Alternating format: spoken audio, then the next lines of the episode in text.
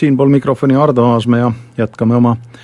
ülevaadet ähm, Eesti Asutavast Kogust ja selle tähtsusest. Ning võib öelda seda, et Eesti Asutav Kogu tuhande üheksasaja üheksateistkümnendal aastal lõi aluse Eesti demokraatlikule riigile ja see võimaldas juba kahekümne seitsmendast kuni kahekümne üheksanda novembrini tuhande üheksasaja kahekümnendal aastal viia läbi esimesed Riigikogu valimised. riigikogu valimised näitasid seda, et Eesti ühiskond oli jätkuvalt vasakpoolse meelsusega ühiskond või täpsemalt öeldes võrdsusmeelsusega ühiskond, kuid enamlaste ja vasakpoolsete osatähtsus oli langenud, ütleme nii, et enamlaste osa Eesti poliitilises elus vabaduse ja demokraatia tingimustes oli muutunud peaaegu olematuks. Eesti Iseseisev Sotsialistlik Tööliste Partei, mida peeti Eestimaa Kommunistliku Partei sõsarparteiks mingil, mingil viisil, sai kümmekond protsenti hääli ja eh, Tallinna Ametiühingute Kesknõukogu eh, sai viis kohta, ehk siis viis protsenti. seega vasakpoolsus vähenes ja äärmine vasakpoolsus oli poliitikas peaaegu täieliselt, nagu tollel ajal öeldi, ära vajunud.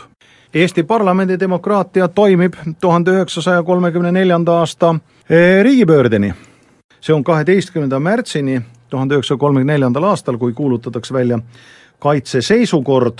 ja algab ka vaikiv ajastu, nii et kui me tähistame tänavu või sellel nädalal Eesti parlamendi sünni üheksakümne viiendat aastapäeva, siis me peame tõdema, et ähm, selle aasta märtsis oli ka Eesti vaikiva ajastu ja parlamentarismi lõpu kaheksakümnes aastapäev. uus parlamentarism aga hakkas oma võrseid ajama eelmise sajandi kaheksakümnendate aastate lõpul ja täpselt samamoodi, nii nagu tuhande üheksasaja seitsmeteistkümnendal aastalgi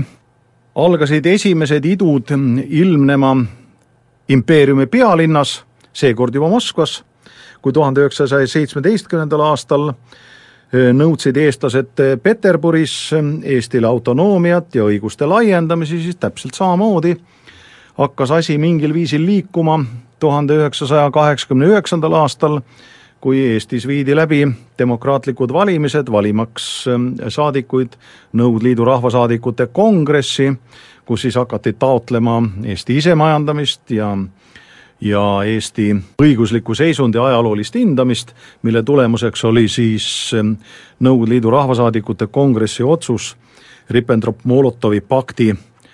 tühistamisest ja selle salaprotokolli tühistamisest, mille alusel Eesti annekteeriti tuhande üheksasaja neljakümnendal aastal ja kõik see toimus enam-vähem samasuguse skeemi järgi, nagu praegu Venemaa annekteeris Krimmi. Ja see on näide sellest, et suures impeeriumis midagi uut juurde ei õpita,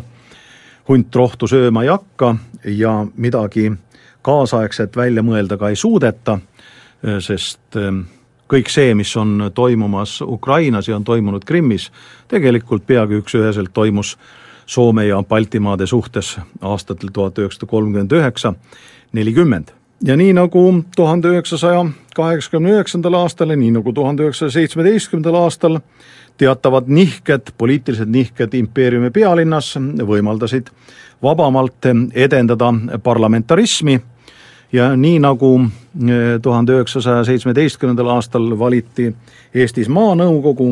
nii valiti tuhande üheksasaja üheksakümnendal aastal ka Eesti Vabariigi Ülemnõukogu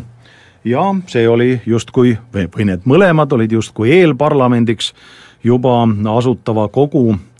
poolt ehm, seadustatud õiguskorra alusel valitav Eesti parlament. Ja eh, Eesti parlamendi teistkordne sünd toimus siis juba uue põhiseaduse alusel tuhande üheksasaja üheksakümne teisel aastal. Ja tuleb tunnistada, et teatud mõttes õiguspoliitiline tehnoloogia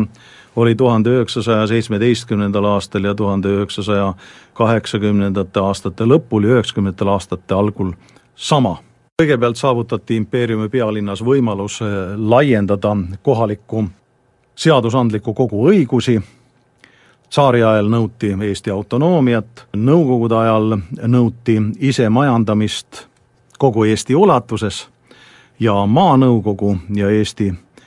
Vabariigi Ülemnõukogu, võiks öelda, olid teatud mõttes sarnaste ülesannetega, ehk valmistasid ette juba täielikku üleminekut parlamentliku või parlamentaarse riigi toimimisele